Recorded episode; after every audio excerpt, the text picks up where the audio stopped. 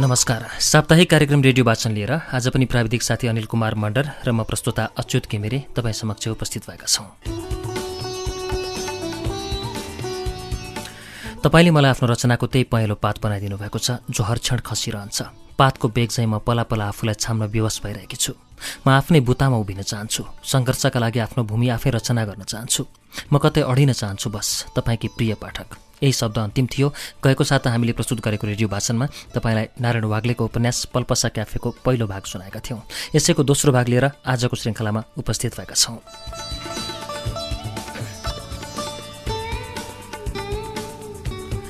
नारायण वाग्लेको उपन्यास पल्पसा क्याफेलाई आज उनातिसौँ पृष्ठबाट हामीले वाचन सुरु गर्न गइरहेका छौँ। पल्पसा क्याफेको वाचन सुरु गर्नुभन्दा अगाडि तपाईँ समक्ष राख्दैछु यो गीत।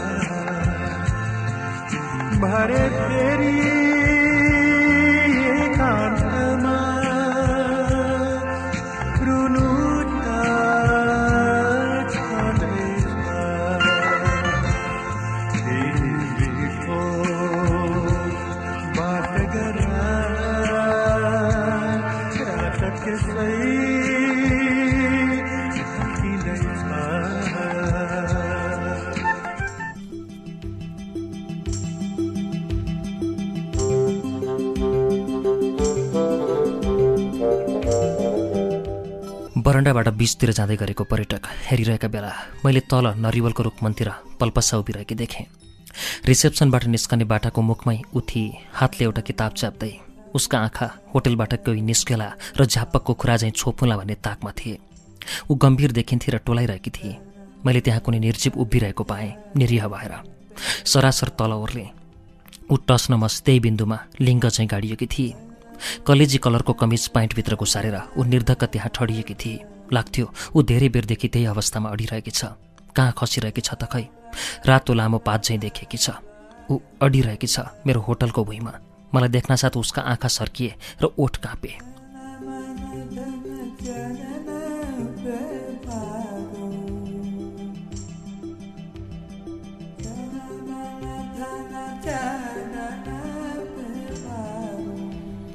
मलाई माफ गर्नुहोला। उसले नम्रतापूर्वक भने बरु गल्ती मेरो भयो। मैले भने किन? उसले एकटक मलाई हेर्दै सोधी।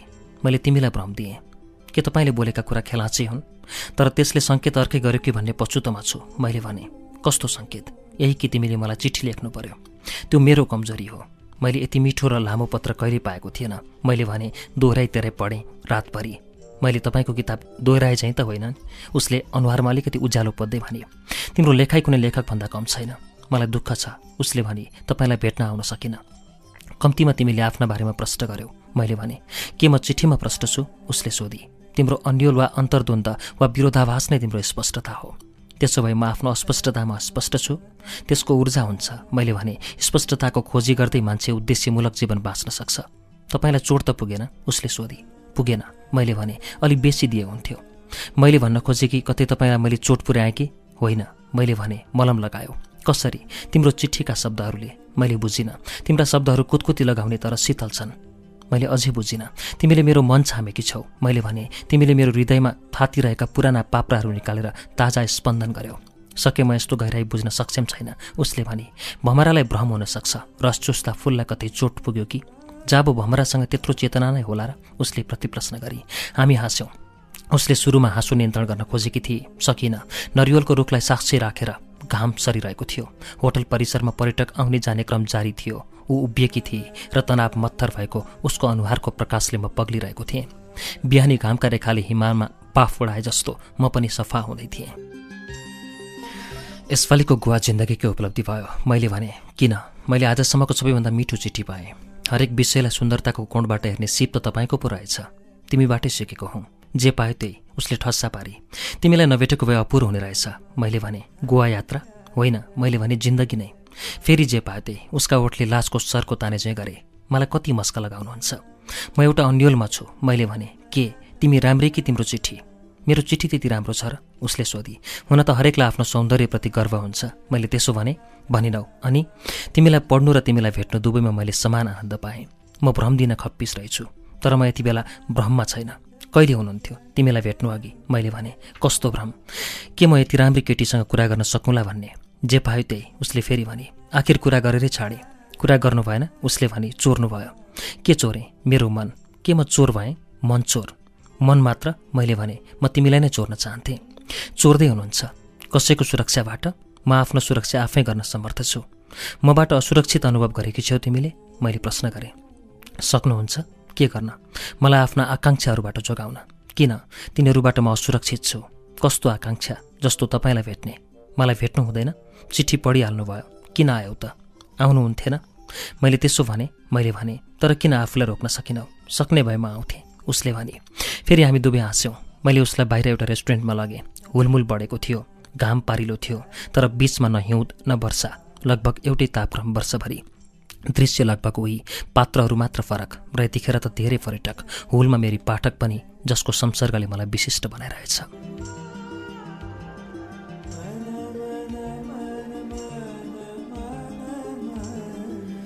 मैले सुटुक उसलाई हेरेँ। ऊ मेरो सम्मुख ओलाइरहेकी थिए। पहिला जागेकी थिए। मैले के फर्माएको नि? ढक्क फुलेकी थिए। तर यसो मन छाम्यो। ओइलाइहाली। बेर छैन फेरि ढक्क फुल्न। लौ त्यसरी नै गजक्क परेकी छ। कुन सुर चढ्ला अनि तरङ्गिएर फेरि टाढा हुन के आइतबार? तर आज आइतबार नै हो क्यारे। खैर बार इज नो बार। उसले सुन्तलाको रस फरमान गरी। मैले ठानेको थिएँ। मैले भने अब हाम्रो भेट हुँदैन।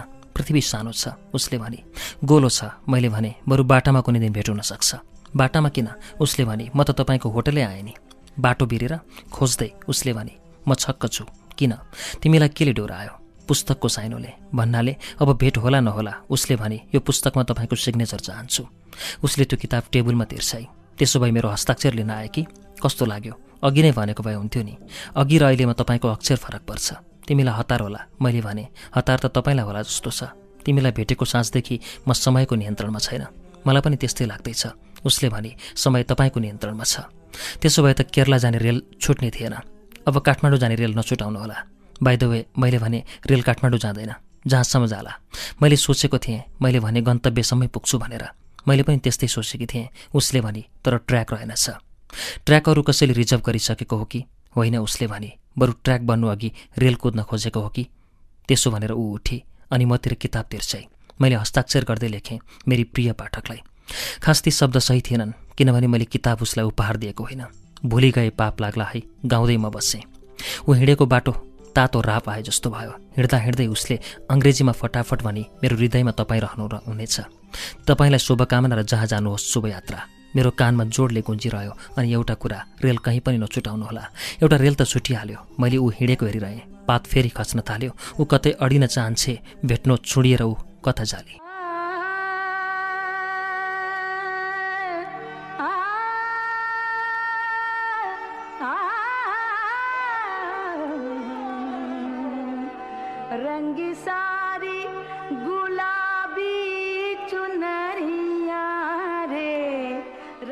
शिरिषका फुल मस्त लागेको बैशाखी धुपमा थियो काठमाडौँ।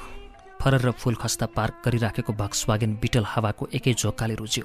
निलो रङको गाडीमा निलै फुलहरूको वर्षा भइरहँदा म बाहिर दुईवटा रुखहरू मुनतिर खेलिरहेका तिब्बती शरणार्थी बच्चा हेर्दै थिएँ। ढुङ्गाले पिटेर धोएको भान पार्ने ठ्याक्क तिग्रामा खोलिएको जिन्स लगाएर हिँडेकी एउटी किशोरीले फुल झरिरहेको गाडी हेरी। उसलाई सके पत्तो थिएन। हावासरी गतिमा फुलले ऊ आफै रुजिरहेको। एक बगल रुखहरू पार गर्दा ऊ फुलको स्पर्शले कुदकुतिन सक्थे।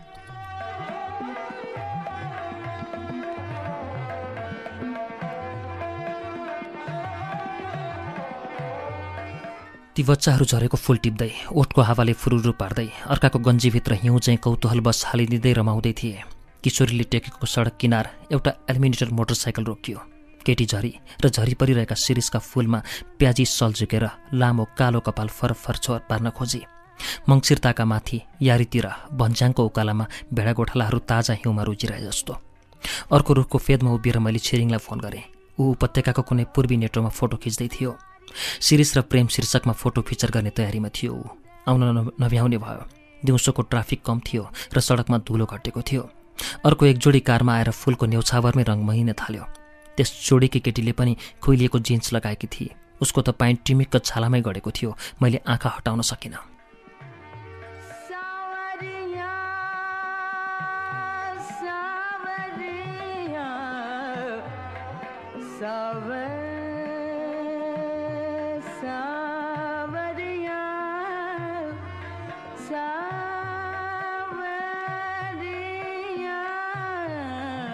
म किन त्यता फर्किएँ एकैछिनमा उनीहरूको अवस्था देखेर अप्ठ्यारो लाग्यो।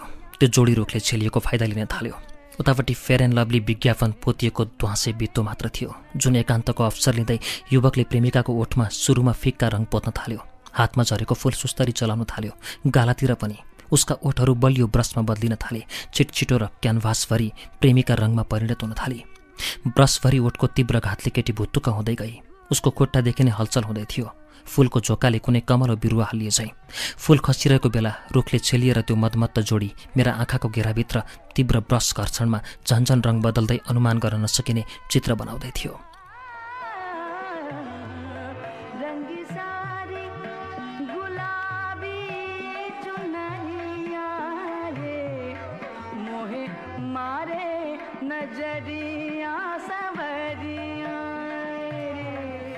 त्यस्तो बेला मेरो मोबाइल नबजेको भए हुन्थ्यो। फुल आँखा र ओठ बाहेक त्यहाँ अरू गतिविधि वर्जित भएको भए हुन्थ्यो। त्यहाँ कुनै पनि बाह्य हस्तक्षेपमा रोक लगाउनु पर्ने थियो। म आफै रुखको आडमा रुखकै लहरा झैँ अविचल वर्षौँदेखि बेरिएर अभिन्न अङ्ग बन्न खोज्दै थिएँ र आफ्नो पहिरन पनि जङ्गलमा युद्धरत सिपाही झैँ क्यामो फ्ल्यास भए हुन्थ्यो भन्ने सोच्दै थिएँ। फोन उठाएको भए आफ्ना अगाडि गुण थापेर बसेको त्यो जोर गोलसिमल भुर्र उड्ने थियो। कसैको मनमा अनुहार कोरिएको स्थायी तस्विर बन्ने थिएँ म। तिनीहरूले यस्तो मौका कहिल्यै पाउन सक्ने थिएनन्। ट्राफिक कम भएको मध्याहको बेला सिरिज फुल्ने याम एक वर्षपछि मात्र आउने थियो र अर्को वर्षसम्म थाहा छैन उनीहरूको सम्बन्ध कुन चरणमा प्रवेश गर्ने थियो। यस्तो अस्थिर र चञ्चल सम्बन्धहरू हावी भएको समय अर्को यामसम्म उनीहरू आफूबीच विकसित हुने कुनै पनि रसायनले निर्देशित हुने थिए। सहरमा कुनै पनि बेला बम पड्किन सक्थ्यो र के थाहा तिनीहरूमध्ये एकलाई नै छर्रा लागोस्। थाहा छैन। त्यो केटो आफै सहर बाहिर कतै पनि डुल्दा हतियारहरूको घानमा पर्न सक्थ्यो वा कतै एकान्तमा विद्युतीय तार तानिएको नदेखिने धरापमा फस्न सक्थ्यो।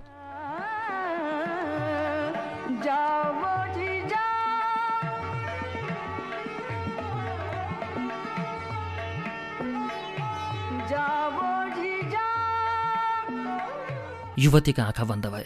उसको कपालमा युवकले हात चलाउँदा जति फुल झरे पनि उत्तिकै रुखबाट खसिरहेकाले ऊ आफै शिरिषको सानो वृक्ष झैँ उभिएकी थिए र युवक ऋतु बनेर युवती रुखलाई बसन्त भएमा मत्त पार्दै थियो। बच्चाहरूले त्यहीँनिर पुगेर वाल्ल नहेर्नुपर्ने। उनीहरूको खस्याखुसुकले युवती झस्किए र लाजबन्ती झार चाहिँ तत्काल खर्ल्याम खुर्लुम भई म अर्को रुखको अडेस लाउन छड्किएँ ताकि मैले अघि नैदेखि चियो गरिरहेको उनीहरूले ख्याल नगरून्। गलैँचा टिके जस्तो भएको थियो। भुइँ जहाँ माटो र झारको कोलासमाथि थप निला र फिक्का भुइँ कुहिरो चाहिँ अस्थायी बुट्टा भर्दै हावाको सर्काले फुल बिछाइरहेको थियो। मलाई लाग्छ यो नै अन्तिम दिन हो यहाँ सिरिस सिजनको। मैले फेरि छिरिङलाई ऊ तत्काल आउन सक्ला भनेर फोन गरेँ। सरी दृश्य म यहाँ घाम कतिखेर छड्के पर्ला भनेर मिनेट मिनेट कुरिरहेको छु। उसले भन्यो लाइट मिल्ने बित्तिकै आफ्टरनुन कलर म छोप्न सक्नेछु मलाई डिस्टर्ब नगर।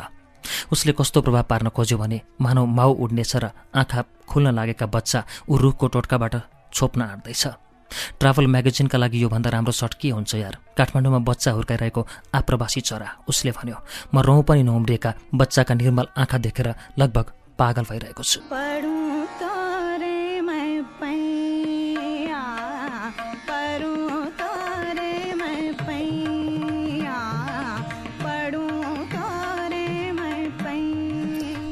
फुल निख्रेका शिरिषका रुख छलेर बाहिर निस्केँ म मनहरी खोला बागमतीमा मिसिए झैँ त्यस सडकलाई राजमार्गमा टुङ्ग्याउन।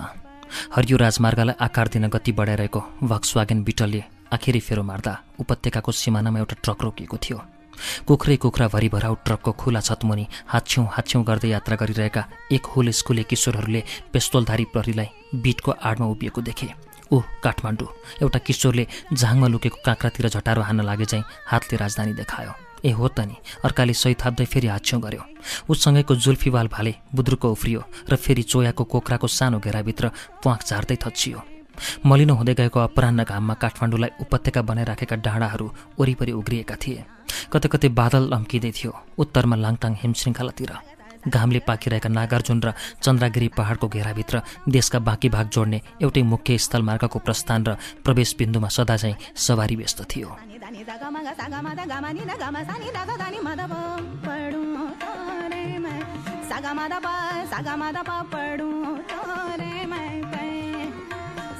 ऊ भ्यागुतो भ्यागुतो अर्को एउटा किशोरले मतिर आफ्नो चोराउलो चोरकै नाक ताके चाहिँ गरेपछि म झस्केँ। प्रहरी उभिएभन्दा विपरीत दिशातिर म रोकिएकाले उनीहरू नडराई नडराई ट्रकको डन्डी समातेर मलाई हेर्न थाले। गाडीबाट निस्केपछि बल्ल थाहा पाएँ उनीहरू भक्सवागेनको आकार देखेर जिल्ल परेका रहेछन्। भ्याकुतो जस्तो गाडीलाई खिसी गरिरहेको छेउको एउटा किशोरलाई मैले सोध्न खोज्दा फेरि कुखुराहरू उफ्रिन थालेका थिए। उसलाई सोधेँ कहाँबाट आएका हो? पहिला त एउटाले भन्यो स्कुलबाट। अर्को अलि बुज्जकीले भन्यो गामबाट। कुन गाउँ हो? मैले फेरि सोधेँ एउटाले भन्यो धानचुली हिमाल मुनि म अक्क परेँ। मैले भनिनँ म पनि त्यहीँबाट आएको हुँ पन्ध्र वर्ष अघि।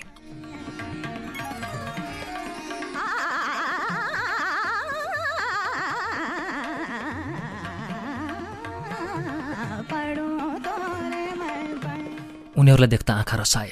पहिलोपटक नेपाल छिर्दा म पनि लगभग यस्तै निरीह थिएँ। गाडीहरूको त्यति विधि लर्को मैले कहिल्यै देखेको थिइनँ। सार्क शिखर सम्मेलनका कारण सुरक्षा जाँच पट्यार लाग्दो थियो। म चढेको ट्रकले चामलका बोरा बोकेको थियो। धन्य म ड्राइभरसँग थिएँ। दिनभरि ट्राफिक जाम भयो। साँझ अबेर सहर पुगे पनि ट्याक्सी नभेटेर राति मात्र स्कुल पुग्न सकेको र भर्ना नभएकाले होस्टलमा बस्न नपाएको त्यो दिन म बिर्सन सक्दिनँ। काठमाडौँको पहिलो रात पाले घरमा सुतेको सम्झेर आफ्नै गाउँतिरबाट आएका किशोरहरूदेखि टिट लाग्यो।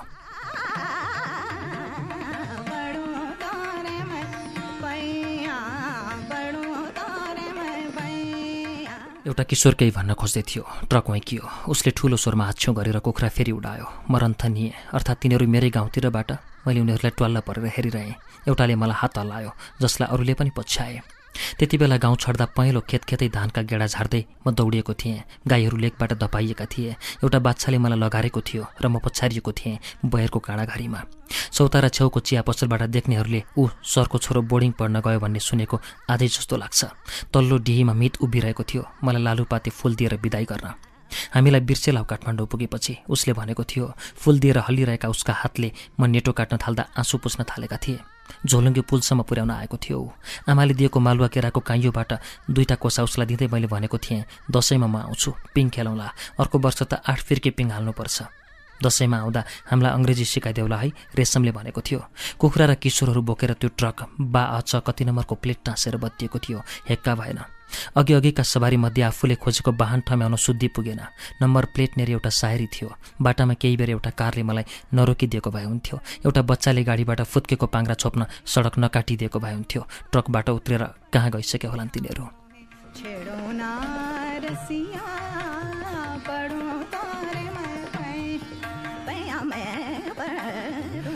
राति अबेर घर फर्किएँ पाउरोटी तताएँ अन्डाको पोच पारेँ चिज काटेँ ससेज तताएँ गोलभेडा थिचेर अचार बनाएँ खाँदै कम्प्युटर खोलेँ च्याटमा एउटी सोह्र वर्षीय केटी टुप्लुकी स्विट सिक्सटिन टिप्पणी गर्दै टाइप गरेँ I am double what you are no problem त्यस केटीले फुर्माई उताबाट आई लाइक मेचोर्ड म्यान भन्न त उसले आफ्नो नाम लारा भनेकी थिए तर कुनै नेपाली केटी नै त होइन जे होस् चलाक लागिरहेकी छ।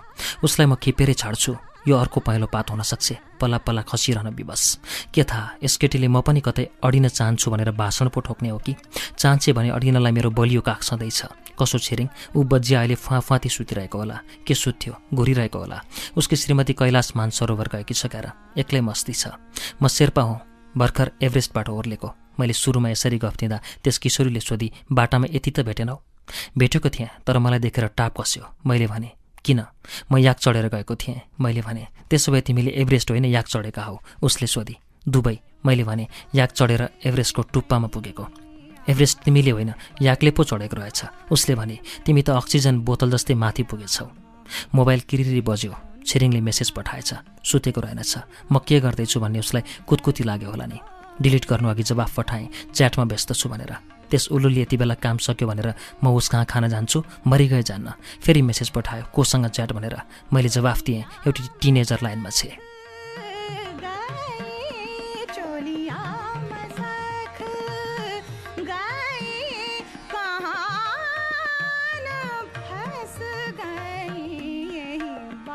बधाई छ। उसले फेरि पठायो तिम्रो जोवन फर्केछ क्यार। मैले त्यसको जवाफ पठाइनँ। यता किशोरीसँग व्यस्त छु। ऊ किन छुच्चो बनिरहने सक्छ भने अनलाइन आए भइहाल्यो। फेस गर्न सक्छ? दिनभरि फोटो खिचेर हैरान होला। भइहाल्यो। उसलाई किन जिस्काउने? कम्प्युटरमै मग्न भए। तिमीले कहिले पढेकी छौ एभरेस्टमा याक चढेको र याकमाथि मान्छे चढेर शिखर पुगेको? मैले केटीतिर प्रश्न फालेँ। आजै सुन्दैछु। उसले भने गिनेज बुकमा रेकर्ड त गर्दैनौ? सोच्दैछु। अनि तिमीले संसारको टुप्पाबाट के देख्यौ नि? मैले होचा टाकुराहरू देखिनँ तिब्बती पठार देखिनँ काठमाडौँदेखि लासा उडेको विमानलाई आफूभन्दा मुनि बादल छिचोल्दै उडिरहेको पनि देखिनँ। मैले भने जताततै सुन्दरीहरू मात्र देखेँ चारैतिर मुस्कानसहित हात हल्लाइरहेका र त्यहाँ मैले लारा नाम गरेकी एउटी केटी पनि देखेँ। रोमान्टिक रहेछौ उसले भने मसँग डेट गर्न चाहन्छौ? स्योर स्योर कहिले भेटौँ? जहिले तिमी चाहन्छौ। म त अहिले तयार छु उसले भने नखरा पारेकी त होइन। राति भइसक्यो। तिमी दिउँसो मात्र डेट गर्छौ? त्यस्तो नियम त छैन। त्यसो भए अहिले के अप्ठ्यारो? त्यस्तो केही छैन। मैले भने एउटा प्रश्न गरौँ। के? आर यु भर्जिन मैले भ्याट्ट सोधेँ। के फरक पर्छ? उसले ठाडै सोधी। केही पर्दैन। मैले भने त्यही पनि। धत उल्लु। उताबाट अङ्ग्रेजी अक्षरमा नेपाली लेखिएर आयो। हा हा। एचे एचे। म जसँग भएँ। मलाई चिन्ने कोही मसँग अर्काको नाममा हटमेल एकाउन्ट खोलेर जिस्किरहेको शङ्का चस्सक्क गढ्यो।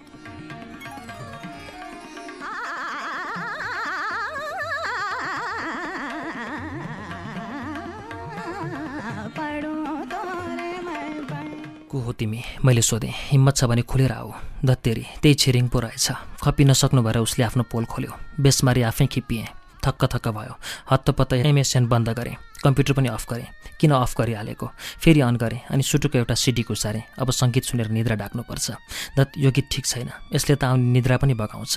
कुन हालौँ? ऱ्याकेरेँ उल्टाइ पल्टाइ गरेँ। नारायण गोपाल घुसारेँ भोलि उठी कहाँ जाने? केही थाहा छैन।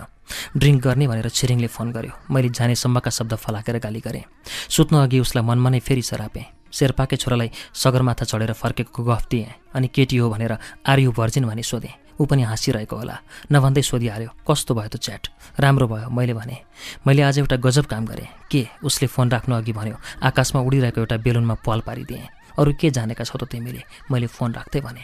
एउटै बाटो सधैँ भेटघाट भइरहँदा।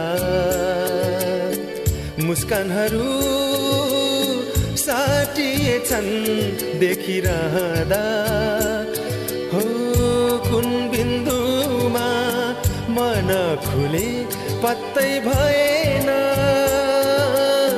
कसले राख्यो पहिलो प्रस्ताव थाहै भएन।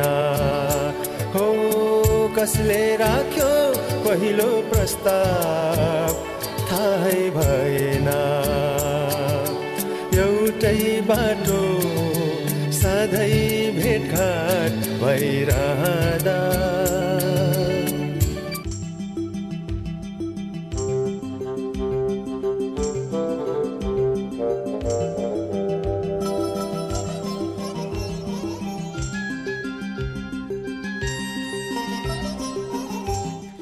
मुस्किलले एउटा किताब सकेँ। नेपाली उपन्यास भर्खर बजारमा आएको। नयाँपन छैन न विषय न कथ्य। बरु फिल्म हेर्न गएको भयो नि वा रेस्टुरेन्टतिर जति पनि मन मुल्याउन सकिन्थ्यो। ग्यालरी हरेक दिन को गइरहन्छ? नगरकोट वा ककनी जता पुगे पनि म सजिलै बत्तिन सक्छु। ककनी अझ सुन्दर लाग्छ किनभने हिमाल नजिकै उभिएको भान पर्छ र बतास धेरै चल्छ। बतासको बेगमा कल्पना उडाउन सकिन्छ। चरा झैँ बतासको बेग काट्दै घरि माथि त घरि तल साना नदी उपत्यकाहरू हुँदै पहाडमा उभिँदा म अग्लो अनुभव गर्न सक्छु। त्यहाँ उभिएर हेर्दा काठमाडौँ खाल्डोको एक सरको एक रसको दैनिकीप्रति पछुतो लाग्छ।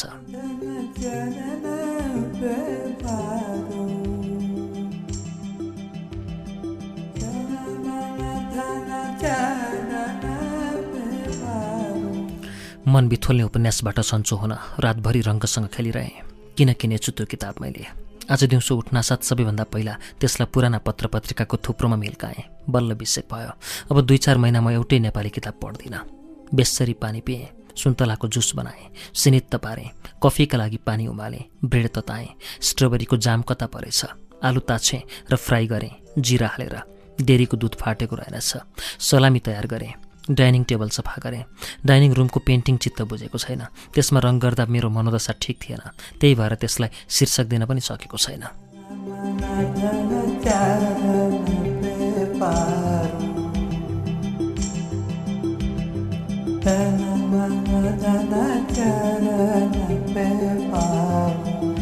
आजका पत्रिकाहरू फेरि साइकल बोइले गेटनेरीको रुखको कापमा अड्काइदिएको रहेछ। प्रमुख समाचार नै दिक्क लाग्यो। काखीमुनि च्यापेर बाथरुम पसे। कार्टुन भने कुतकुत्याउने नै रहेछ। सावर लिएर रुमालले ढाडको पानी पुस्दा बाहिर फोन बज्यो। निस्कँदा निस्कँदै घन्टी रोकियो। ठिकै छ। कसैलाई हतार छ भने मोबाइलमै गर्ला। लागेन भने इमेल गर्ला। कसैलाई के पो बित्नेछ र? देशको समय दरबार अगाडिको घन्टाघरमा रोकिएको कसलाई थाहा छैन?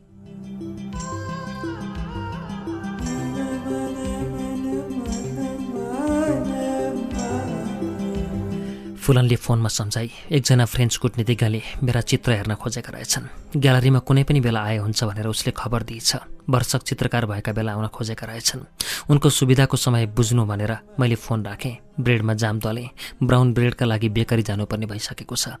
दिउँसो निस्कन मन छैन। बेलुका टहल्न भने जानु पर्ला। सानेपादेखि थापाथली हुँदै दरबार मार्ग निस्केर ठमेल पुग्नु यो यामको आकर्षण हो। शिरिषका फुल सडकभरि होलान्।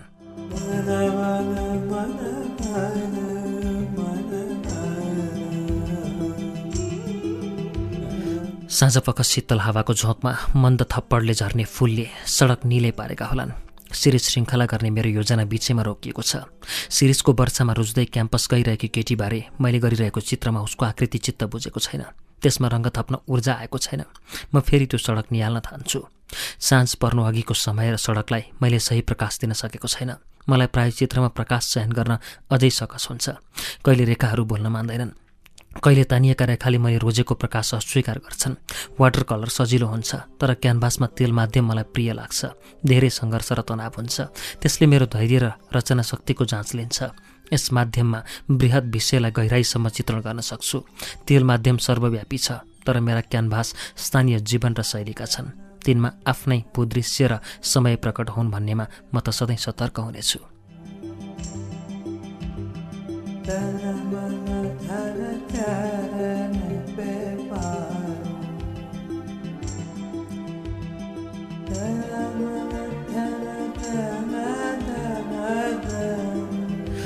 राम्रो आर्ट कलेज फेरि पढ्ने धोको बसेको छ।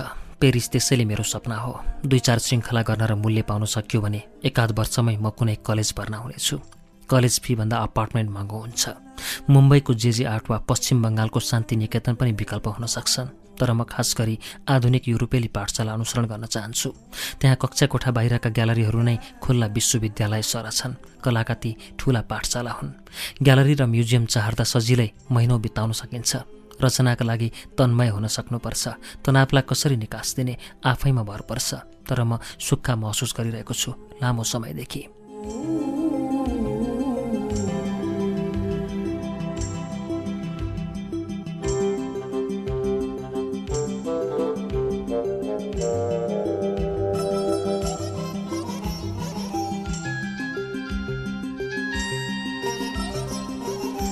काठमाडौँमा कलाकारहरूसँग मेरो खास सङ्गत छैन। कलाका लागि सङ्गत गीतका लागि सङ्गीत जस्तै हो। आफ्ना समकालीनहरूले गरिरहेको कामबाट पनि म कुनै प्रेरणा पाउन सक्दिनँ।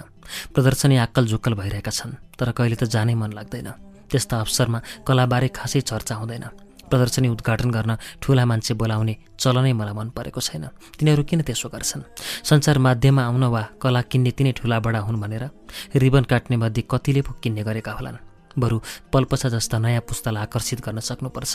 तिनलाई आज कलापति जागरुक गर्न सकियो भने भोलिको बजार यही पुस्ता बन्न सक्छ। तिनीहरू आलोचनात्मक दृष्टिले कला हेर्न सक्छन् र कलाकारलाई रचनात्मक तवरले कुदकुत्याउँछन्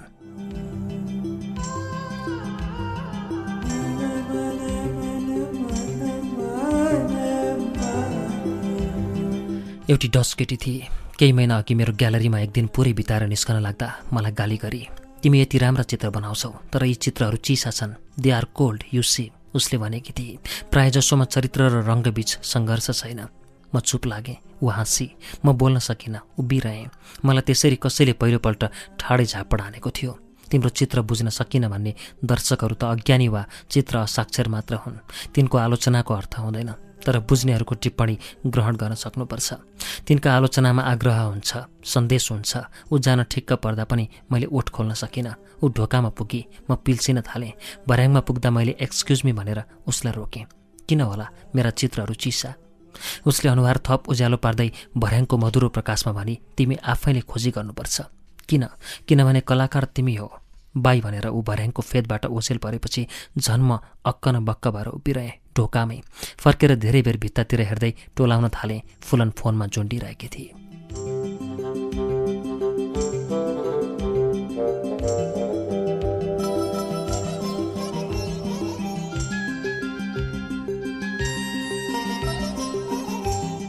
त्यस डस केटीले मेरो ग्यालरीमा बजिरहेको सङ्गीत बन्द गरेर गए जस्तो भयो। तर मलाई कसैले घचघचाएको थियो आफ्नै कामको पुनरावलोकन गर्न। कसैले मलाई बेसमारी चुनौती दिएको थियो। म रातिसम्म घोत्लिरहेँ। वाइन पिउँदै एक्लै ग्यालरीमा अबेरसम्म बसिरहेँ। घोत्लिएँ घोत्लिरहेँ अह कुनै मेसो पाउन सकिनँ। वाइनले मात्तिँदै गएँ र उसको टिप्पणी सम्झी सम्झी आत्तिन थालेँ। मात्तिनु र आत्तिनुको दोसाँधमा म थिएँ। एउटा पर्यटकले धेरै अघि उपहार दिएको क्युबाली सिगारको प्याकेट पहिलोपल्ट मैले खोलेँ। धुपीको कडा बास्ना फैलिए जस्तो भयो। फुलनले भनेअनुसार त्यो केटी भोलिपल्ट पनि आएकी थिए करिब तिन घन्टा बसे बित्ता हेरिरही कुनै कुनै चित्र फर्की फर्की समय दिएर हेर्थे भनेर फुलनले सुनाउँदा म छक्क परेँ। त्यसको भोलिपल्ट पनि आएकी रहेछ। अपरान्नतिर म भर्खर निस्केको थिएँ। ऊ नहिँडेकीले ढोका लगाउन दुई घन्टा कुर्नु पर्यो भनेर फुलनले भने। उसले थप सोधपुछ टिका टिप्पणी केही गरिन। गौर गरेर चित्रहरू हेरिरही फगत हेरिरही। थ्याङ्क यू भनेर निस्के।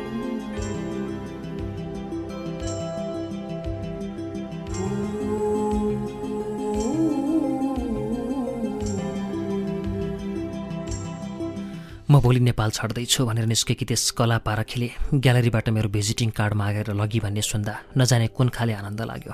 उसले केही चित्र डिजिटल क्यामेराले खिचिरे। एउटै प्रदर्शनी गर्न नसकेर म रन्थनी रहेको थिएँ। चित्रकारका लागि प्रदर्शनी लेखकका लागि पुस्तक प्रकाशन जस्तै हो गायकका लागि स्टेज पर्फर्मेन्स जस्तै हो पत्रकारका लागि बाइलाइन स्टोरी जस्तै हो। म कुनै दिन काठमाडौँ मात्र किन नयाँ दिल्ली त के पेरिसमै प्रदर्शनी गर्न चाहन्छु। लन्डनको ट्रफ लगल स्क्वायर स्थित नेसनल ग्यालरी अफ आर्ट पुग्न चाहन्छु। न्युयोर्कको मेट्रोपोलिटन म्युजियम अफ आर्टमा सजिन चाहन्छु। लुप्र म्युजियममा आफ्नो कला झुन्ड्याउन भनेको एउटा खेलाडी ओलम्पिक रङ्गशाला पुगे जस्तो हो। तर मेरा चित्रहरू चिसा छन्। म कुनै अन्तर्राष्ट्रिय कला समीक्षकका आँखामा पर्न सक्ने छैन। मैले आफ्नो कलाको आफै परख गर्न बाँकी छ। त्यो डस पारखे मलाई सबैभन्दा कठिन होमवर्क दिएर गएकी छ।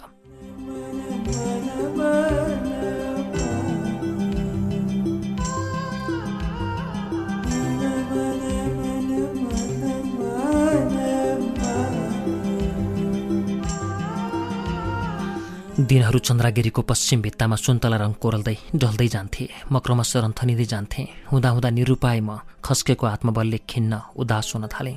घरबाट निस्कने आँट पनि मर्दै गयो। कुची चलाउन असमर्थ हुँदै घरभित्रै कुजिँदै जान थालेँ। साँझ पख तल गेट छेउको बकैनाको रुखमा आउने चराहरूलाई कुनै दिन चिल देख्न थालेँ कुनै दिन गिद्ध देख्न थालेँ। फुलन आत्तिएर फोन गर्थे र म चिसो जवाफ दिएर पन्छिन थालेको थिएँ।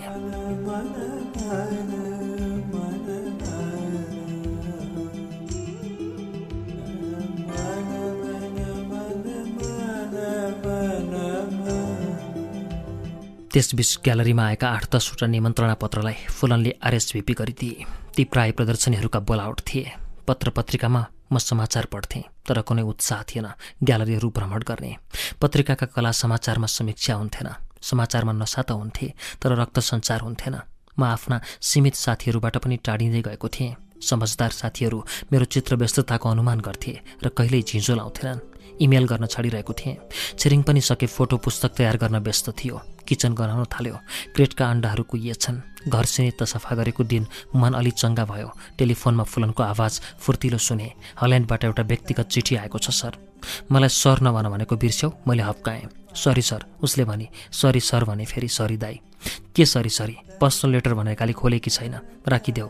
तपाईँ नआउने? उसले कर गर्दै भने थुप्रै ग्राहक भइसकेका छन्। सरलाई भेट्न एपोइन्टमेन्ट माग्ने पनि। म बोलिनँ। सरी सर भनेछु फेरि। धेरै दिन भएकाले ऊ केही हडबडाएकी होली मेरो मनोदशाले पनि ऊ आत्तिएकी हुनुपर्छ हो त यत्तिका महिना भयो मैले उसलाई तलब पनि दिएको छैन बिहानी क्याम्पस जान त छाडेकी छैन म खङ्रङ्ग भएँ दाङबाट मैले उसका बाआमालाई सम्झाइ बुझाइ पढाइदिन्छु भनेर ल्याएको हुँ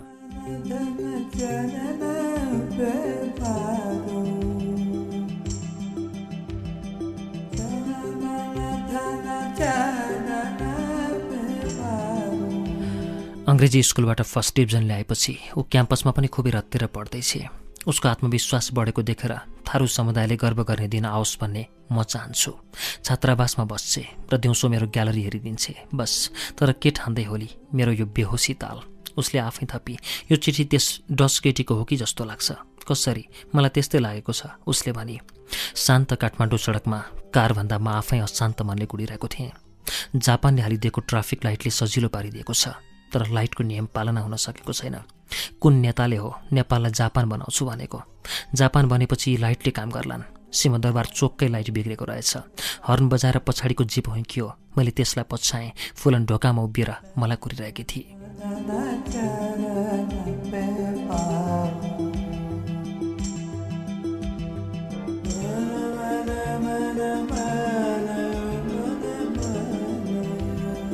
तपाईँ त स्वाट्टै दुब्लाउनु भएछ उसले आँखा गाडेर भने खोइ चिठी हातमा समातिरहेकी छ मलाई दिन कत्रो हतार। प्रिय नेपाली चित्रकार त्यही डस्केटी रहेछ। भनेकी रहेछ म आमस्टम फर्केदेखि निकै दिन रनबुल्लमा परेँ। निकै सोचेँ घोत्लिएँ यहाँ पनि ग्यालरीहरू गएँ। यसबिच थुप्रै पेन्टिङ निहालेँ। तिम्रा क्यानभासमा प्रयुक्त माध्यम ब्रस रङ्ग र रेखाकृति उत्कृष्ट छन्। तिनको संयोजन गतिशील छ र सुमधुर पनि। तैपनि चित्र चिसा छन् भनेर मैले औल्याएकी थिएँ। तिमीले सोधेका पनि थियौ तर वास्तवमा समस्या चित्रमा होइन रहेछ। समस्या रहेछ भित्तामा। ती भित्ताको हरियो रङ्गसँग तिम्रा क्यानभासहरूको लय मिलेको रहेनछ। त्यही समस्या रहेछ। ती भित्ताले तिम्रा सुन्दर चित्रलाई पूर्ण रूपमा प्रकट हुन नदिएर अन्याय गरेका रहेछन्। क्षमा गर्नेछौ मलाई। कृपया आफ्नो ग्यालरीका भित्तामा अर्कै रङ पोत्नेछौ भन्ने म आशा गर्छु। धन्यवाद भनेर टुङ्ग्याउनु अघि उसले आखिरी हरफ लेखेकी रहेछ। म अर्को पटक नेपाल आउँदा तिम्रो ग्यालरी भ्रमण गर्न छाड्ने छैन। पुछारमा क्रिस्टिना भनेर उसले यसो ढल्काएर हस्ताक्षर गरेकी थिए। साथमा एउटा तस्विर पनि रहेछ आमस्टमको कुनै एउटा ग्यालरीको। चित्रकला सम्बन्धी एउटा सानो पुस्तक पनि चिठीसँगै पठाएकी रहेछ। धन्यवाद भने मन भने काम सारा एक काम रोजिरहेछु यो देशमा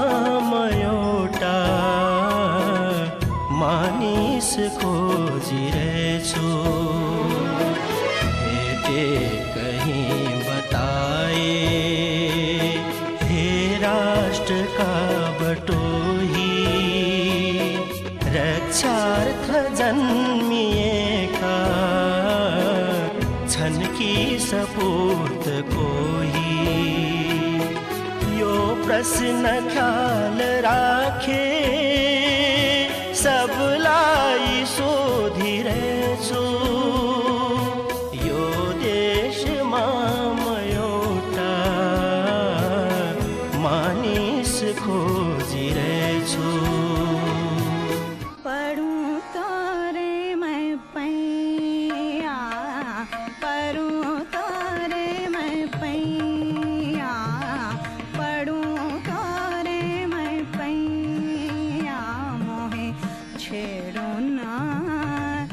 मल्लकालको झल्को दिने घरमा बसेको थिएँ। सानो बगैँचा रहेछ। पूर्णतया शान्ति। बगैँचाको कुनामा बुद्धको मूर्ति। ओम मणि पद्मे जप्न मन लाग्यो। साउती गर्ने आँखा। बुद्धका आँखा दोहोऱ्याएर हेरेँ। वास्तविक बुद्ध कस्ता थिए थाहा छैन। तर यस मूर्तिका आँखा सम्मोहनकारी छन्। कलाकारसँग सकिँदैन। उनीहरू अर्को संसार रचना गर्छन्। अर्कै भूगोल निर्माण गर्छन्। र आफूले चाहे अनुसारका पात्र बनाउँछन्। यी बुद्ध कस्तरी हेर्दैछन्। हेर्नेका आँखैमा बस्ने गरी मैले मूर्ति बनाएँ भने बुद्धका आँखा अर्कै बनाउन सक्छु। मेरो मूर्ति मार्फत बुद्धले यस्तरी नहेर्न सक्छन्। ती बुद्धका आँखामा भ्रान्ति हुन सक्छ। म बुद्ध रचना गर्न सक्षम छैन।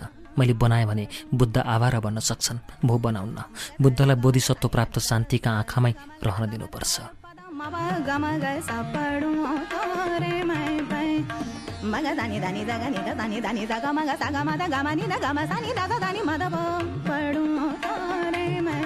फेरि ती अविचल आँखा हेर्दै बच्चा बच्ची कुकुर केही चहल पहल नभएको घरको ढोकातिर सुइकिएँ बिरालो झैँ लुसुक्क पसेँ पुरानो काठको ढोकाबाट। होचो दलिन हुँदै अँध्यारो भर्याङ उक्लेपछि पहिलो तलामा साङ्ग्रीलाई देखेँ। किताबै किताब राखिएको फराकिलो बैठक कोठा। किताब पत्ता लगाउन लामो सूची चाहिने। कोठाको कुनामा एउटी वृद्ध पावरवाला चस्मा लगाएर बसिरहेकी। हजुरआमा नमस्ते मैले हात जोरेँ उनले फर्काइन् र मुसुका हाँसिन्। सेतै फुलेका कपाल चाउरी परेका गाला देख्दैमा आदर भाव जाग्ने। यहाँ पुराना किताब पाइन्छन् भन्ने सुनेर आएको। मैले भने म जान्दिनँ। उनले भनिन् तिमी आफै खोज। बत्ती कातिरहेकी वृद्ध आफ्नै हातमा व्यस्त भइन्।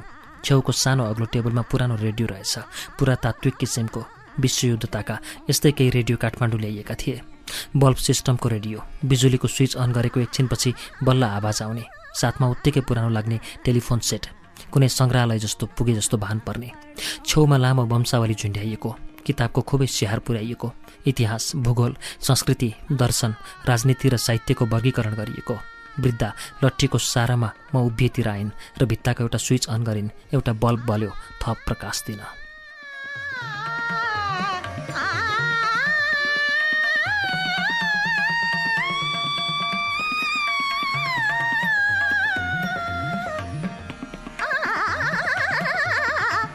म चित्रकार हुँ हजुरआमा मैले भने पुरानो बेलाको समाजबारे कुनै किताब छ कि पढ्न चाहेको? म चित्रकला सम्बन्धी त्यस्तो किताबको खोजीमा थिएँ जसमा रङ्ग र प्रकाश मिलाउने परम्परागत नेपाली शैलीबारे लेखिएको होस्। भित्ता र चित्रको सम्बन्ध होस् वा एउटै चित्रलाई पनि प्रकाशका माध्यमले कति किसिमले व्याख्या गर्न सकिन्छ भन्ने उत्सुकताले म लपिटिएको थिएँ। पुराना कलाकारले नेपाली मौलिकतामा प्रकाश सम्बन्धी विवेचना गरेका छन् कि खोज्दै म हिँडेको थिएँ र एकजना सज्जनले दिएको ठेगाना पक्रिँदै म त्यो घर प्रवेश गरेको थिएँ। किताब त पुरानै छन् उनले भनिन् लाइब्रेरीतिर पनि आफूले खोजेको किताब भेटिँदैन। मान्छेहरू यहाँ आइरहन्छन् उनले भनिन् राम्रो सङ्कलन रहेछ। मैले भने खैबा सबै त्यसै भन्छन्। म गाता नभएको एउटा किताब लिएर पढ्न थालेँ। वृद्धाले अर्को कुनामा गएर अर्को रेडियो थिचिन्। क्यासेट रहेछ। धन्किन थाल्यो। झमझम पानी पर्यो। आषाढको रात। पारीबाट बस्न थाले। मकैका पात।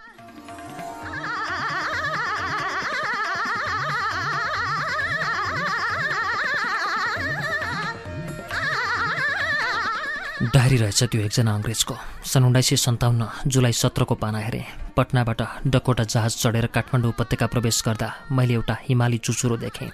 दिन सफा थियो र आफूले हेर्न चाहेको सबै देखिन्थ्यो। म पहिलोपल्ट आएकाले हरेक दृश्य नयाँ लाग्यो। जता हेऱ्यो उतै सुन्दर। चारैतिर डाँडाहरूले घेरिएको हरियो उपत्यका। बिचमा झुम्म बस्ती। त्यसबाहेक खेतै खेत आँखै हरियो हुने सपनाको शान्ति लाग्यो।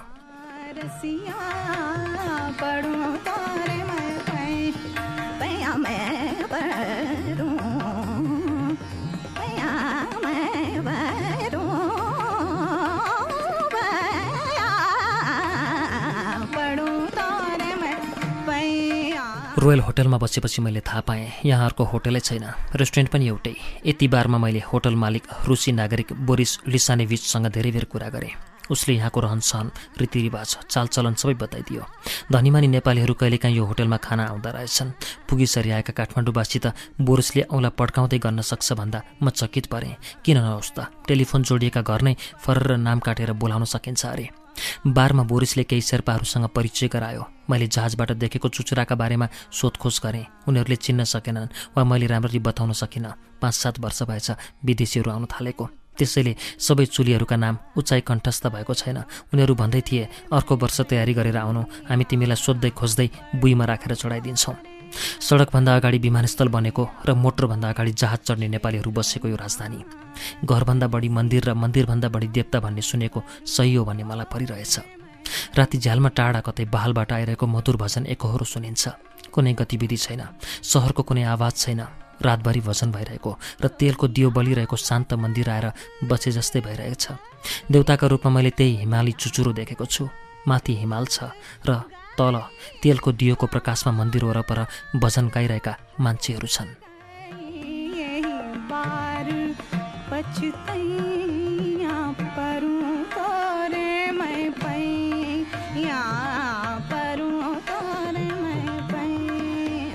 वृद्धाले एक कप चिया ल्याइदिइन्। किन दुःख गर्नुभएको? काम गर्नुलाई पनि दुःख भन्छन् लाटा उनले भनिन् घरमा अरू कोही छैन? मैले सोधेँ। कामकाजमा सघाउने एउटी केटी छ। उनले भनिन् नातिनी बाहिर डुल्न निस्केकी छ। नातिनी घरमा बसी भने पढ्या पढे गर्छे। उनले भनिन् घुम्न गई भने घुम्या घुमे गर्छे। छोरा बुहारी सबै अमेरिकामा छन्। तपाईँ जानु भएन म्लेच्छको देश को जाओस्। यहाँ एक्लै हुनुभयो नि त। मैले भने होइन। देउताहरू यहीँ छन् मन्दिरहरू यहीँ छन्। न्यास्रो लाग्दैन। तिमी जस्तै मान्छे आउँछन् पढ्न। उनले भनिन् कति छोरा जस्ता लाग्छन् कति नाति जस्ता लाग्छन्। त्यो त हो। आफ्नो सम्झे सबै आफ्नो उनले भनिन् पराई सम्झे सबै पराई होइन। हो। चिया कस्तो रहेछ? मिठो छ। मनको सन्तोष हो सबै तर चिया निकै मिठो छ। गुलियो धेरै भएर होला। ठिक्क छ। तिम्रा बालबच्चा कति छन् नि? बिहे गरेको छैन।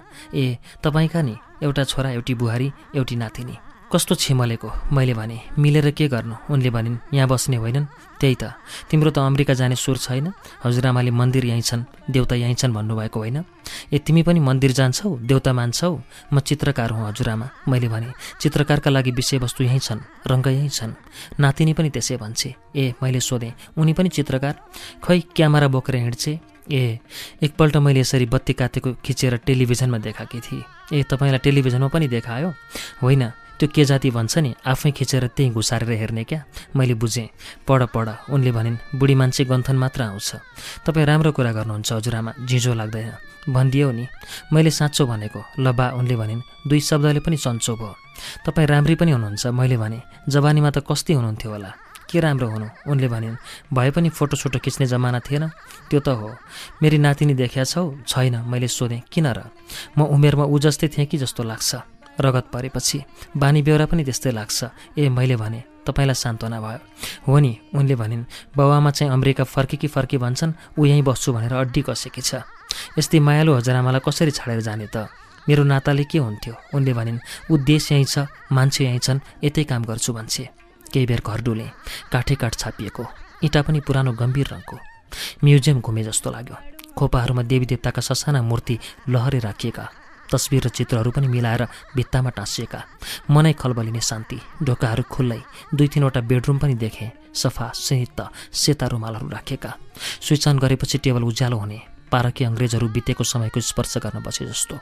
सरसुविधा भने सबै नयाँ। चित्त हेर्ने परिवेश। एकै ठाउँ घन्टौँ रमाइरहन सकिने। अनेकानेक कल्पना आउन सक्ने। झ्यालढोकाका खापा कलात्मक। बुट्टाहरू कुदिएका। इतिहासको कुनै चरणमा प्रवेश गरे जस्तो। पुरानो घर तर समयले खिएका चिजबिज सङ्ग्रह गर्दै नयाँपन दिन एउटा सुन्दर निवास बनाइएको। झालबाट हेर्छु सिमेन्टै सिमेन्टले पुरिएका बद्दा घरहरूको गन्जागोल देखिन्छ काठमाडौँ अश्लील। बैठक कोठामा झर्छु बुढीमाउ त क्यासेट रिवाइन्ड गरिरहेकी छन्। ठ्याक्क थिच्छिन् त्यही गीत आउँछ झमझम पानी पर्यो। तपाईँलाई निकै मनपर्छ जस्तो छ। पुराना दिन सम्झिन। यो गीत सुनेर हामी सानामा रस लिएर नाच्थ्यौँ। कसरी? बुढी भइसक्यो अब त।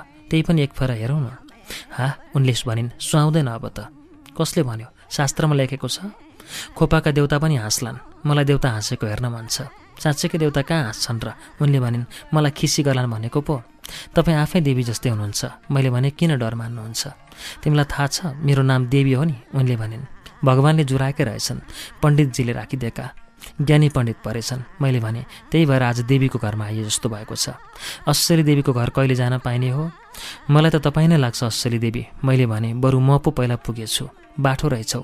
घमण्डी पनि छु। मैले भने तपाईँको नाच नहेरी जान्न मेरी नातिनी जस्तै ढिपी गर्दा रहेछौ। नातिनीसँग तपाईँको बानी व्यवहार मिल्छ भन्नुभयो होइन? बुढी माउ त जुरुक्क उठिन् र क्यासेट फेरि रिभाइन्ड गरिन्। त्यही गीत आयो। लट्ठी पालेर सर्लक्क मेहरो मार्दै उनी सिमलको फुल चाहिँ हलुङ्गो भइन् हात हल्लाएर नाच्न थालिन् हावाले पात हल्लाए जस्तो भयो। मेरा हात पनि ताइन्। म उनीसँगै नाच्न खोज्दा झमझम पानीमा रुजेको मकैको बोट चाहिँ लुत्रुक्क परेछु। पानीले पात बजाए झैँ मलाई सुस्तरी थप्पड हान्दै उनले आफूसँगै फनफन घुमाइन्। नाच्न नजानेकामा मैले थैया माने। ग्लानी भयो। एक फन्को घुमे जस्तो गरेर उनलाई हेरेँ। बत्तीमा पुतली झुम्बिए जस्तो। उनी त बाजाको ताल पक्रिरहेकी छन्। हा हा हाको हाँसोले म झस्किएँ। ढोकामा उभिएर दङ्गदास परिरहेको अरू कोही नभएर पल्पसा रहेछ।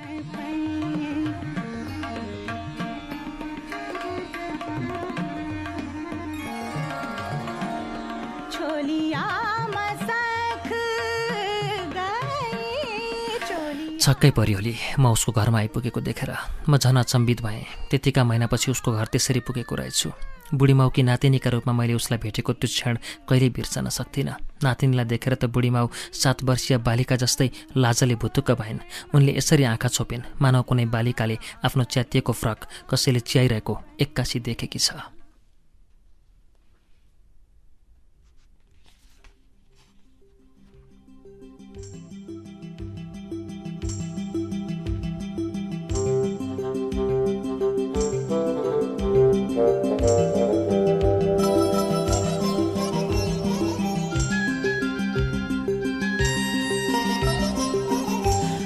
ब्लुज ब्रदर्सले सिगरेट चल्काइरहेको ब्ल्याक एन्ड व्हाइट तस्बिर मुन्तिर टेबलमा बसेको थिएँ। ब्लुज सङ्गीत मधुरो बजिरहेको थियो बारबाट। देशको नकारात्मक प्रचारले सुकिरहेको ठमेलमा त्यो रेस्टुरेन्ट भने लगभग भरिएको थियो पर्यटकहरूले। मकैका सुगेका घोगा र रातो खोर्सानी तुन्द्रुङ्ग झुन्डिएका थिए। साँझको शुष्क हावामा सुस्तरी हल्लिँदै पल्पस आइपुग्दा म चिकन सिजलरको चर्र बाफ उडाइरहेको थिएँ।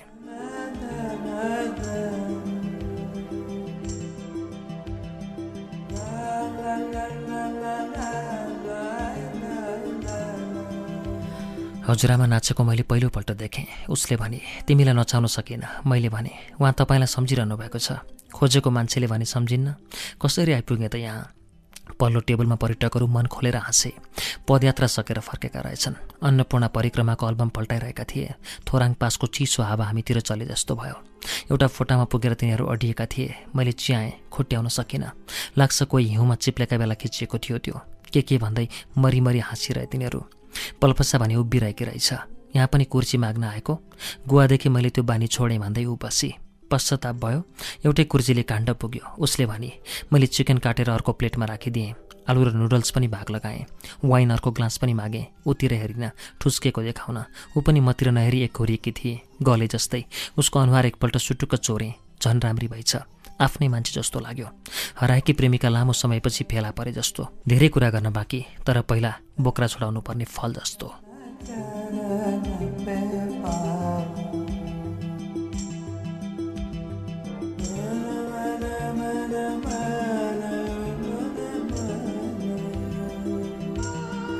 हजुरआमा तपाईँको फ्यान हुनुभएछ। उसले भने मेरो चित्र देख्नु भएर नचाइदिनु भयो नि त। उहाँ आफै नाच्नु भएको हो। आफै नाच्ने भए मैले यसअघि देख्दिनँ थिएँ। तिमीले हेर नचाहेर होला। तपाईँले कर गर्नुभयो अरे। मैले भनेको बुढाबुढी मात्र मान्छन्। केटाकेटीले भनेको चाहिँ तपाईँ मान्नुहुन्छ? मेरो समस्या तरुना तन्नेरीहरूसँग मात्र छ मैले भने। म फटाफट खाइरहेको थिएँ। ऊ भने प्लेटतिर वास्ते नगरी धुमधुम्ती मलाई हेरिरहेकी रहेछ। उसका आँखा कोमल देखिए। माया गर्ने रसले भरिएका। रस मस्त भरिएको पुक्लोका सुन्तला जस्तो। केस्रा केस्रा छोडाएर ओठमा खेलाइदिउँ।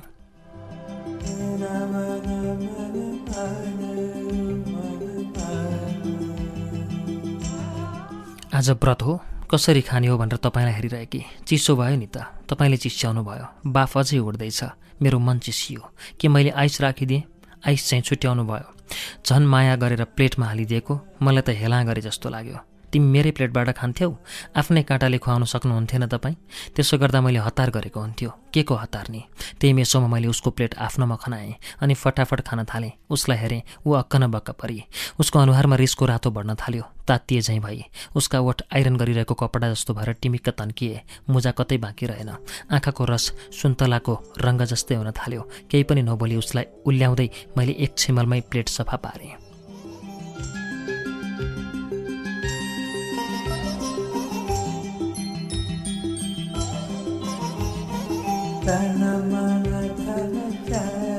म अब जाउँ उसले भने मैले त्यसो भने मेरो भाग रहेन अर्डर गर्न सक्छौ। म कसैको भाग खान आएकै पनि होइन। उसले भनिर वेटरलाई बोलाउन हात उठाए मलाई पनि त्यस्तै लाग्यो। मैले भनेर वाइन सुनुत्त पारेँ। हाम्रो टेबल पछाडि एउटा नेपाली समूह बसेको रहेछ। चर्को चर्को बोल्न थाले। एउटी केटी केही कुरामा नाच्नुस गरिरहेकी थिए। उसलाई फकाउन एउटा केटो भगीरथ प्रयत्न गरिरहेको थियो। मेरो ढाड पछाडिका ती आवाजका स्रोतहरू पल्पसा मात्र देख्न सक्थे। मैले फर्केर हेरिनँ। त्यहाँ अरू आवाज पनि थिए दुवैलाई हस्तक्षेप गरिरहेका। आवाजसँगै मनमा आकृति पनि आउँछ। ठिटौले होलान् भन्ठान्दै थिएँ। केटाको आवाज आयो do you love me I hate you केटीले भनेको सुने। त्यसो भए म ढुक्क भएँ। किन? व्यवस्था गर्नेसँग मात्र मलाई डर लाग्छ। केटाले भन्यो लभ र हेट त एउटै सिक्काका दुई पाटा हुन्।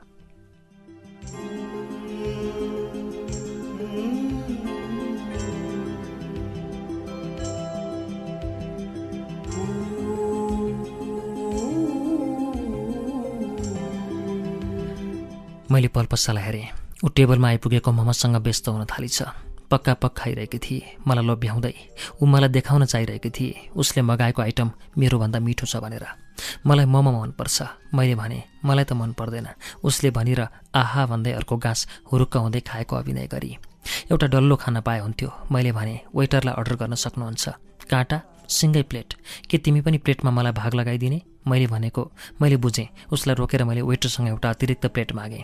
उसले ल्याइदिएपछि मैले उसको मोमो प्लेट छेउ आफ्नो खाली प्लेट भेडाएँ अनि उसलाई हेरेँ। ऊ वास्ते नगरी मोमो पकपुक पारिरहेकी थिए।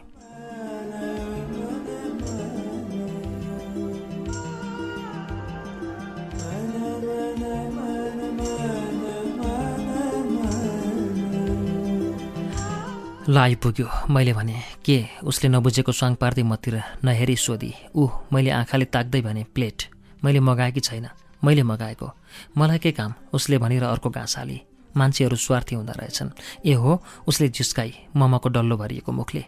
मलाई माया गर्ने मान्छे पनि यो संसारमा छन् भन्ने सोचेको थिएँ। मैले भने ए हो उसले भने किन सोच्नु भएको त्यस्तो? खाना दिन्छन् भनेर होइन। किन त? खुवाइदिन्छन् भनेर। ए आज देखियो। मैले भने के? अरूले खाएको? कहिले देखा थिएन? खाएको त देखा थिएँ। अनि के त? यस्तरी खाएको चाहिँ देखा थिइनँ मैले भने। यस्तरी भन्नाले अर्काले खोस्ला कि भन्ने डरले सप्पासप खाएको।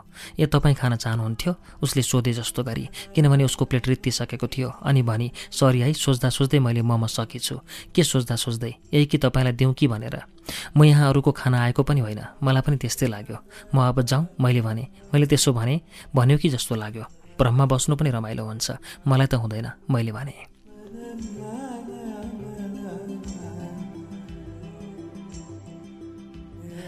अगाडिको टेबलमा ती विदेशी फेरि गलल्ल हाँसे त्यही एल्बम पल्टाइरहेका रहेछन्। लाकटहरू आफैले खिचेको आफ्नै फोटो हेरेर हाँसिरहेका छन्। कति हाँस्न सकेका? यस्तो लाग्छ उनीहरूसँग हाँस्ने मौका मिल्दैन विषय पनि हुँदैन। एउटै कुरामा धेरै बेर हाँसिरहनुले के सङ्केत गर्छ? सके तिनीहरू मुक्तिनाथको ओह्रालामा फेरि कोही चिप्लिएको फोटो हेर्दै होलान्। ए होइन रहेछ। मैले बलजफ्ती चियाएँ अर्को चिप्लिएको खिच्न लागेको फोटोग्राफर आफै चिप्लेको र उसको फोटो अर्कैले खिचिदिएको रहेछ। हजुरआमा भन्दै हुनुहुन्थ्यो उसले भने तपाईँलाई ल्याउनु भनेर। फेरि नाच्नुहुन्छ अरे? तपाईँलाई खाना खुवाउन। कसले पकाउने? आफ्नै हातले बनाएर खुवाउँछु भन्नुहुन्थ्यो। तिमीले मेरो भाग खाइदिने होला फेरि। म धेरै खन्चुवा छैन। देखियो आज। मैले भने मैले तपाईँको भाग खाएँ? होइन। अनि? मैले तिम्रो भाग खाएँ? मैले भने त्यसको बदला लिन्छु कि भनेर? हजुरआमा भन्दै हुनुहुन्थ्यो। तपाईँ बोल्न छुरा हुनुहुन्छ अरे? मैले भने उहाँकी नातिनीभन्दा कम? उसले भने उहाँले मलाई बढी चिन्नु भएको छ। नातिनी मै जस्ती छ भन्दै हुनुहुन्थ्यो। उस्तै सोझी छ। बाङ्गिएको पनि देखियो। के बाङ्गिएको हजुरआमा नाच्दा बाङ्गिएको तपाईँ त नाच्दा लट्ठी झैँ सोझो हल्लिनु भयो अरे। म सोझो भएर देखियो के सोझो मान्छे बाङ्गिएको हजुरआमा भन्दै हुनुहुन्थ्यो मैले भने मेरी नातिनी असाध्यै राम्रो नाच्छे कहीँ नपारोस्। उहाँले भन्नुभएको जे पायो त्यही। उसले भने भन्दै हुनुहुन्थ्यो ऊ नाचेपछि टिभी बन्द गरे हुन्छ। फेरि जे पायो त्यही। कतिसम्म भन्नुहुन्थ्यो भने मैले भने ऊ नाच्दा देउता नाचे जस्तो हुन्छ अरे। कस्तो जे पायो त्यही? उसले नाक खुम्चाइ उहाँ भन्दै हुनुहुन्थ्यो मेरी नातिनीलाई एउटा राम्रो केटा खोजिदिन पाए हुन्थ्यो। फेरि जे पायो त्यही। तिमी जस्तै लक्का जवान भए हुन्थ्यो भन्दै हुनुहुन्थ्यो। मैले भने कति मस्का लगाउन सक्नुहुन्छ? उहाँ भन्दै हुनुहुन्थ्यो म जोडजाड पार्दै थिएँ उसले रोके। पुग्यो पुग्यो। उहाँको इच्छा पुरा गर्न यहाँको सवारी कहिले हुने त? नातिनी नाच्ने दिन। त्यसो भए असम्भव। के म तिम्रो घर आउन? म नाच्न। त्यसो भए मेरो पनि असम्भव। हाम्रो घर आउन होइन म नाच्न। कसले नाच्नु भनेको छ र? तिमीसँग नाच्न भनेर। हजुरआमासँगै नाच्नु होला। म आइन भने मलाई नाच्नु पर्दैन उसले भने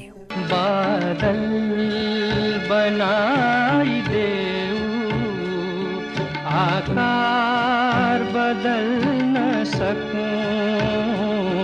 बादल बनाइदेऊ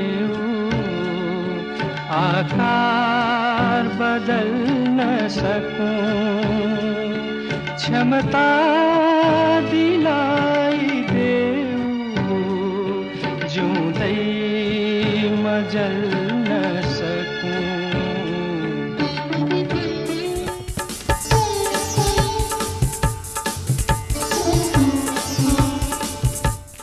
कान्तिपुर दैनिकका सम्पादक नारायण वाग्लेद्वारा लिखित उपन्यास पल्पसा क्याफेको दोस्रो श्रृङ्खला आजको रेडियो वाचनमा तपाईँलाई वाचन गरेर सुनाए। याद गर्नुहोला पल्पसा क्याफे यो वर्षको मदन पुरस्कार प्राप्त कृति हो।